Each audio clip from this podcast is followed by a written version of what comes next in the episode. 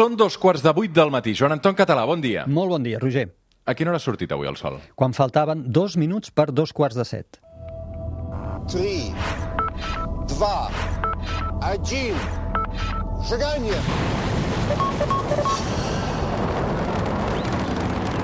It's one small step for man, one giant leap for mankind. Joan Anton Català, com va la vida? Molt bé, Roger, molt bé. Penúltima secció de la temporada, eh? Sí, senyor. Això s'acaba. Però, ep, tornarem al setembre amb el Joan Anton Català. Que bé. Cinquena temporada ja de La Terra es plana. Gràcies. I aquest estiu, si l'enyoreu, a banda de que podeu recuperar tots els capítols de La Terra es plana en podcast, també el trobareu a l'Observatori Fabra amb aquests sopars amb estrelles fantàstics, un pla sensacional. Anar a sentir el Joan Anton, veure les estrelles eh, des de la ciutat de Barcelona, des de, des de Collserola. El que passa és que, clar, eh, el cel és el que és, eh? i la Clar. contaminació és el que és, depèn del dia. Clar, per Però això- l'experiència és brutal. Exacte. Sopar bé, ben acompanyat. De tant en tant, si tens sort, et ve a veure un senglar. Sí. Això passa. Sí. Oi que t'ha Oh, passat? ta, bueno, sovint, molts aquests dies estan venint... Si, si es banyen a la platja, com no han de venir Clar. al, al Fabra, Joan Exacte, Anton? a veure les estrelles també. Eh, ara deies el tema de l'experiència. Jo li dic a la gent, i de fet ho valoren així, eh, perquè tenim un índex de satisfacció molt elevat a la- a l'activitat, i és que a posar l'ull pel telescopi en dura un minut. L'experiència duren tre, són 3 hores i mitja, que és el sopar amb les vistes excepcionals, la xerrada, la visita a l'edifici i veure, ja no només posar l'ull, sinó veure com era un telescopi que té 118 anys d'història i que és el número 6 en antiguitat del món i un dels pocs que continua funcionant. Això és impagable, vull dir, el, el, per tant, el que, el que és, és tota l'experiència, perquè si, si només mires el cel, dius, home, veure el cel des de Barcelona, ah, però, però això es diu sopar amb estrelles, eh? perquè hi ha tot el tema del sopar, de la conferència, visita, etc. I veureu amb carn i ossos el Joan Anton Català, que això sempre val la pena. Home, això ja no sé Perquè si està molt bé tant la pena la veu, com- però un dia trobar-te'l uh, també està bé. Uh, uh, dèiem que avui és l'últim, el penúltim capítol Mhm. de- d'aquesta mm -hmm. temporada. De cara a la setmana que ve farem jugar als oients, perquè prepararem un resum de tota la temporada amb preguntes i respostes. Vinga. Uh, vull dir que aquí volem saber els més matiners i els que us heu estudiat més, a veure què hem après aquest any a, a la Terra es plana i eh, val a dir que jo també participaré com a concursant. Perfecte. Vull dir que a veure com va la cosa. Va, fa uns dies amb el Joan Anton um, vam saber la notícia que la Xina enviarà una missió no tripulada de retorn de mostres a Mart l'any 2031. Serà molt abans que ho faci l'Agència Espacial Europea i la NASA. Un anunci que ja deixa entreveure quins són realment els plans espacials de la Xina, Joan Anton. Va forta. Va, Fortíssima, i això ha posat nerviosos a molts. Ara ho anirem explicant. Per tant, avui a la Terra es plana l'estratègia espacial de la Xina. Fet, Joan Anton, la Xina és el segon país del món en inversió a l'espai. Uh, és una qüestió que, que interessa i que anirà més, eh? Sí, mira, ara ho deies, és el segon per pressupost. Eh? Porten, inverteixen uns 10.000 milions de dòlars. Aquesta xifra encara està força al darrere del que fan els Estats Units. Els Estats Units deu rondar els 55.000 milions de dòlars, cinc cops més. Però la qüestió és que la Xina està creixent d'una forma molt, molt, molt, molt ràpida. És la segona del món també pel que fa a, a pressupost, ho dèiem, i l'agència espacial va per davant de la russa i de l'Agència Espacial Europea. Els assoliments dels xinesos s'han anat acumulant, sobretot en els darrers anys, com ara explicarem. D'entrada, en els 10 darrers anys, la Xina ha enlairat més de 200 coets a l'espai, molts amb satèl·lits. Ja t'avanço que algú, molts d'ells també eh, amb finalitats no gaire científiques, sinó més aviat militars. Aquests últims anys hem comprovat la seva determinació a l'hora d'explorar l'espai amb aquestes nombroses missions a la Lluna, que ja és l'avançada del que pot venir, no? Sí, sí, sí. Ells han posat el focus amb la Lluna, han fet eh, fites que són... Han, han marcat números us, de fet, eh, com havien fet els soviètics doncs, al començament de la cursa espacial. D'entrada, eh, la Xina ha convertit la Lluna en un objectiu absolutament prioritari. I l'any 2019 hi va fer aterrar una sonda que la pronunciaré malament, la vaig escoltar un dia pronunciar en xinès, sóc incapaç de pronunciar en xinès, que és la Chang'e 4, que va aterrar a la cara oculta de la Lluna. És el primer cop que s'ha fet, això, a la història. No és que hi hagi res estrany a la cara oculta de la Lluna, simplement que la dificultat eh, està en que la mateixa Lluna et fa de paret per les comunicacions. I clar, tu el que vols és mantenir comunicacions directes i no pots. El que han fet els xinesos és resoldre-ho en un satèl·lit en òrbita que el que fa és rebotar el senyal. Aquesta nau por- porta, portava un petit robot, el U-2, que encara és viu i explorant la cara oculta de la Lluna. Pensa que això no és fàcil, perquè les nits lunars són fredes i llargues, unes dos, dos setmanes i 180, menys 180 graus de temperatura. Eh? I per protegir-se d'això, el robot el que fa és dormir. El fan dormir durant eh, les eh, llargues i fredes nits eh, lunars. L'any passat, any 2021, la Xina va aconseguir enviar una nau a la Lluna, una altra nau a la Lluna, la Chang'e 5, que de forma robòtica va baixar, recollir mostres i portar-les a la Terra. Això no es feia des dels anys 70 del segle passat. Anteriorment ja n'havien enviat de missions a la Lluna i això va posar molt nerviosa l'administració Trump. Jo recordo declaracions que va fer Donald Trump en aquell moment dient que estàvem en una nova eh, cursa espacial i en aquest cas contra la Xina. I això especialment era important després del descobriment que s'hi va fer de gel d'aigua a les profunditats d'alguns cràters del Pol Sud. Això feia guanyar una importància estratègica a la Lluna per tal de posar-hi allà base, bases. Uh, clar, això no va agradar, que la Xina posés aquest focus a, a la Lluna, als Estats Units no els va agradar gens. I uh, han anunciat, atenció, tot un seguit de missions robòtiques, els xinesos, per explorar el Pol Sud que és aquesta zona de tant interès, més nerviosisme i més ui, ui, ui, que els xinesos se'n van a la Lluna, que això provoca molts analistes de l'altra banda del, de l'Atlàntic. La Xina, a més, té plans per posar el peu a la Lluna, els seus astronautes, a l'any 2030, és dir, encara pel darrere dels americans, però és que a l'alè al clatell els americans ja el deuen notar. Que s'hagin marcat la Lluna com, com un objectiu tan clar eh, pot tenir a veure, suposo, amb aquest anunci dels Estats Units de fer mm. arribar l'home a la Lluna eh, de nou aquests propers anys, això que explicàvem, i que sabem de sobres que aquí hi torna a haver aquesta testosterona per veure qui és el primer, malgrat que apunta que serà la primera, en aquest cas, perquè ara sí que tocarà que hi vagi una dona. Sí, exacte. La NASA va prometre que la, perso la, la persona primera que tornaria a posar el peu a la Lluna seria dona. Això probablement ho faran els americans abans que els xinesos. Jo, pràcticament d'això n'estic segur, no tant si parlem de Mart, però de la Lluna sí, simplement perquè la Xina potser no li dona temps a, a avançar, a progressar tan ràpid com per agafar uh, la davantera, el lideratge amb això. Però clarament la Xina el que està fent, com dèiem abans, uh, és a l'alè el clatell als americans. És a dir, els americans estan anunciant missions que són força espectaculars i la Xina, a poc a poc, va explicant també els seus programes que semblen anar una mica rona pel darrere dels americans. Mm. Avui amb el Joan Anton Català estem parlant de les aspiracions de la Xina eh, que té per, per expandir-se més enllà de la Terra. La Lluna sempre ha estat, de fet, el gran objectiu de l'exploració espacial, però els últims anys hem vist com eh, li ha guanyat territori també Mart, evidentment. Eh, ara els xinesos sabem que hi enviaran una nau, Quina ha estat la relació entre la Xina i Mar, Joan Anton? Doncs fixa-t'hi, l'any passat, 2021, uns mesos després que aterrés el famosíssim robot americà Perseverance, ho feia també al robot xinès Zhurong, que era la primera vegada que, un altre número 1, eh, fixa-t'hi, la primera vegada que un país aconseguia aterrar un giny a la superfície de Mart al primer intent. Dir, això els americans havia, han fracassat molts cops durant la història, ara ja els americans ho fan, anava a dir amb els ulls tancats, no, però ho fan molt bé. Els europeus no ho hem fet mai, els europeus hem fracassat.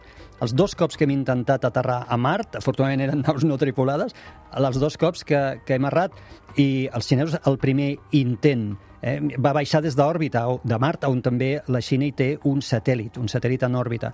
Aquest robot xinès, si el comparem amb l'americà Perseverance, encara és com una generació antiga, eh? però té un mèrit brutal el que ha fet la Xina. I llavors, l'anunci sorpresa ha estat aquest que, en què dèiem abans, quan començàvem el programa, eh, la Xina ha dit que vol fer una missió de retorn de mostres marcianes robotitzada, eh, una missió robotitzada, retorn de mostres marcianes a la Terra per l'any 2031. I ara sí, aquesta data ja és per davant de la data que han anunciat a la missió conjunta entre la NASA i l'Agència Espacial Europea justament per fer aquest mateix projecte, enviar una nau robòtica a Mart, agafar les mostres que ha recollit Perseverance i dur-les a la Terra. Doncs com veus, aquesta data sí que ja es posa pel davant de la data d'una missió similar dels americans. Mm. Clar, eh, en aquest cas, per tant, mm, tenim, evidentment, aquesta competència tan directa amb, amb els americans, no? Mm, total. Eh, i, i, I veurem com acaba això. No? Sí, bueno, i, i clar, el premi gran, sens dubte, és l'arribada d'humans a Mart.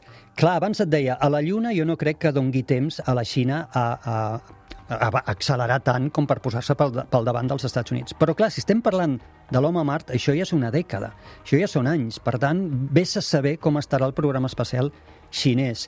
La Xina d'entrada ha dit que apuntarà cap a l'any 2033 i això està bàsicament els mateix, la mateixa finestra temporal que la situa amb competència directa amb els americans, que si ara haguéssim de dir seria entre el 2034 i 2036, doncs ja està, aquí ho tenim. A Mart ja veurem qui serà la nacionalitat de la primera persona. Més enllà de Mart, eh, Joan Anton, la Xina també s'ha proposat altres objectius. Un que és bastant ambiciós perquè el coneixem poc és Júpiter. Sí, a Júpiter, el projecte espacial xinès també hi preveu enviar una missió no tripulada, això seria l'any 2030, i recollir mostres d'asteroides, una altra missió, l'any 2025. A l'any 2035, a més, volen disposar de coets reutilitzables, tipus Elon Musk, o suposo, o similars. I atenció, a l'any 2040 volen tenir llançadores espacials propulsades amb combustible nuclear. Això ho tenim a tocar. Clar, doncs Això, això passarà aviat. Sí, clar, 2040, a veure, encara queden uns anys, però vull dir que estem parlant d'unes finestres temporals que no tampoc són 100 anys, eh? fixa-t'hi, eh, llançadores espacials propulsades amb combustible nuclear, poca broma. Mm. Aquesta competitivitat amb els americans eh, la tenen eh, i, de fet, els xinesos han agafat un parell de punts sobre la posada en escena. Els americans sabem que són especialistes. Hey. Eh, amb les retransmissions aeroespacials... Eh, de fet, els personatges com Elon Musk sabem que fan espectacle i negoci de tot això, no? Aleshores, veig que la Xina també està adoptant una mica aquest model. Sí, eh, sempre... A veure, tenim l'estereotip, segurament eh, que no, no, no mereixen. Eh? Els occidentals tenim l'estereotip de que ho copien tot. Val? Doncs sembla que també haguessin copiat a l'estil americà. Qualsevol que ara vegi un programa, una retransmissió d'una missió xinesa per internet, per exemple, en directe, se n'adona que han canviat. Abans els xinesos explicaven poquet i d'una manera, diríem, molt formal o molt gris, si vols dir-li així. Ara eh, és completament diferent. Han, han, han fet com a, més o menys com els americans. Veuràs una emissió en anglès perquè la pugui escoltar tot el món, amb un accent dels presentadors, accent total, perfecte americà, que demostra que han estudiat a universitats, bueno, o britàniques, o bé han estudiat a universitats britàniques o universitats americanes, una posada en escena també moderna, amb talls multimèdia, similar, encara no, eh? es veu que encara, vull dir, que encara estan aprenent o estan fent, però el canvi ha estat espectacular, perquè se n'han adonat del que els americans també van fer en el seu moment, que és que l'espai és una eina molt potent de comunicació de masses. Per tant, hi ha països com la Xina o també els Emirats Àrabs, per exemple, que estan emprant i que continuaran emprant el programa espacial per rentar la cara, per exemple, o per donar missatges polítics cap al món, per donar la imatge que els hi interessa. Els Emirats Àrabs ho estan fent, per exemple, eh, dient-nos que, mm, no sé, l'activitat de la dona allà des del punt de vista científic és important. Bàsicament el que estan fent és rentar-se la cara davant de la comunitat internacional, perquè ja sabem com van les coses en allà pel que fa als drets de les dones. Però se n'han adonat d'això, no? I llavors la Xina està també volent donar un missatge de modernitat al món i se n'ha adonat de la potència que té la comunicació de l'espai. Déu-n'hi-do quina, quina parafernàlia amb aquest rentat de cara que ens expliques de, de la Xina, amb aquesta amenaça militar real eh, que, que veig que et preocupa. Sí, malauradament, clar, a l'espai al final no pot ser gaire diferent del que passa aquí a la Terra. Ja ens agradaria, eh? De fet, aquesta és una esperança que tenim, que no cometem a l'espai els errors que ja hem comès a la Terra. Però, de, de moment, no pinta gaire bé, perquè, per exemple, estàvem parlant de la Xina, doncs molts dels satèl·lits que en l'aire a la Xina tenen funció militar. Són satèl·lits espies, alguns d'ells. A més, els xinesos han fet alguna prova militar amb míssils que han llançat per destruir satèl·lits dels seus propis. És una prova com de dir, bueno, tenim tecnologia per poder destruir un satèl·lit enemic i ho han fet amb, els seus, amb algun dels seus propis satèl·lits zombis, dels que ja no estaven operatiu, i aquestes proves el que han fet és omplir l'òrbita baixa de Terra de fragments. Això ha estat una cosa increïble que, lògicament, els Estats Units han aprofitat per criticar durament a la Xina, fins i tot han dit que l'Estació Espacial Internacional fa uns mesos va haver de maniobrar per tal d'evitar el, el xoc contra una ferralla xinesa, això els xinesos ho han desmentit. A veure, cal dir, Roger, que ara parlem de la Xina, però és veritat que si anem al darrere, els americans o els russos això també ho han fet. Eh? És dir, no és que només ho faci la Xina. El que passa que la Xina potser ara eh, se li està veient molt el llautó, els altres han après una mica més o ja tenen la feina feta, ja tenen molts satèl·lits espies en òrbita, i als xinesos els està veient més el llautó. La qüestió és que l'ús militar, la militarització de l'espai, malauradament va endavant. Clar, amb tot això que ens estàs explicant, eh, Joan Anton, um, quan ja fa una pila d'anys els americans van arribar a la Lluna, eh, en aquell cas la competició era amb els soviètics, que sembla que ara s'han posat al bàndol dels xinesos en aquesta nova cursa espacial. Sí, i això és el, camp, el gran canvi estratègic. Per mi, el canvi d'escenari, de panorama, és aquest. En aquest moment s'estan configurant dos blocs per competir a l'espai. Un és els americans amb els seus aliats tradicionals, l'Agència Espacial Europea, Japó, Canadà, i l'altre gran bloc serà la Xina i Rússia. Aquest és el gran canvi que hi està havent. Ja feia molt de temps que veiem que els russos havien signat acords de col·laboració a l'espai amb la Xina. També hi va haver conflictes a l'Estació Espacial Internacional on conviuen en pau, això s'ha de dir així, eh? conviuen en pau americans i russos, i europeus i japonesos, eh, però ja hi va haver algun incident que es va utilitzar políticament, no a l'espai, sinó es va utilitzar aquí políticament per atacar-se uns amb els altres, i la guerra d'Ucraïna el que ha fet és accelerar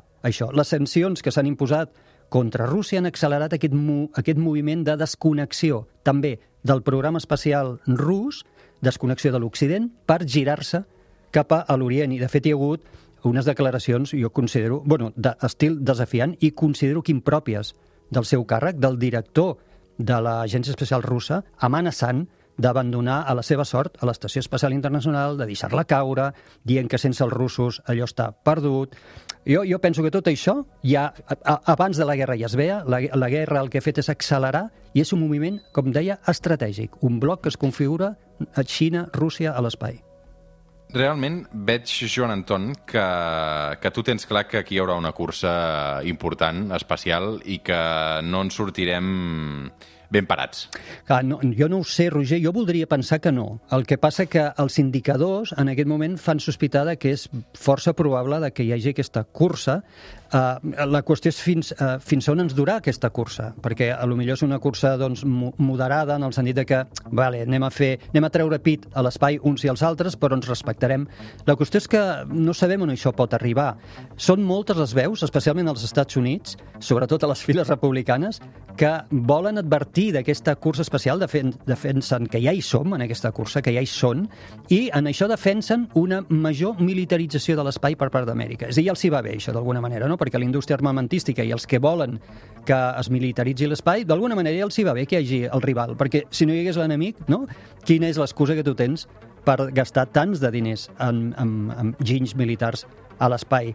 Veuen a la Xina com un rival, el veuen com una amenaça militar, eh, reclamen aquesta presència a l'espai més forta per part dels Estats Units, i això al final el que farà és una escalada, perquè uns pels altres, doncs això pot anar escalant. T'haig de dir que no tots ho veuen així, afortunadament, i tant de bon tinguin la raó, hi ha, hi ha analistes al món que no ho veuen tan així i que diuen que segurament la Xina el que està fent és allò que també havíem dit al començament del programa, treure pit, posar nerviosos, és dir, ja els hi va haver fer tot això, perquè d'alguna manera eh, no? estan com dient-li als altres mireu, mireu, que sou capaços de fer, però es, aquests analistes esperen que això no escali fins al punt de que hi pugui haver un conflicte eh, militar a l'espai. Mm. Avui amb el Joan Anton Català hem parlat del que pot donar de si aquests anys que venen amb aquesta cursa espacial, Xina, Estats Units, amb Rússia també ficada pel mig, amb la Índia que també hi posa diners, veurem com acaba tot plegat. Joan Anton Català, uh, un plaer com sempre sentir-te al suplement. I ara fem un cop d'ull al cel, què hi passarà aquesta setmana? Dimecres tenim superlluna, és a dir, ah una lluna plena d'aquestes que es produeix en un punt que és pròxim a la seva òrbita, pròxim a la Terra, que fa aparèixer, fa semblar a la Lluna una mica rona més grossa del que és habitualment. Això que es ja... prepari Instagram. Exacte. Que prepari Instagram perquè la gent allà... Fotos, fotos, fotos de la Lluna, que està molt bé. Mira, si això és l'excusa perquè fotografiem a la, a la Lluna, doncs, escolta, benvingut a la Superlluna, que t'haig de dir que des del punt de vista científic no té molt d'interès, però des del punt de vista visual ho té, perquè ens fa això, semblar una lluna una mica rona més grossa que, que el que és habitual i paga la pena doncs, veure-ho i fotografiar-ho. Fantàstic, Joan Anton Català. Retrobem diumenge que ve, últim capítol de la temporada. Tornem el 4 de setembre amb tu. Una abraçada, Joan Anton. Gràcies, igualment. Ara tornem.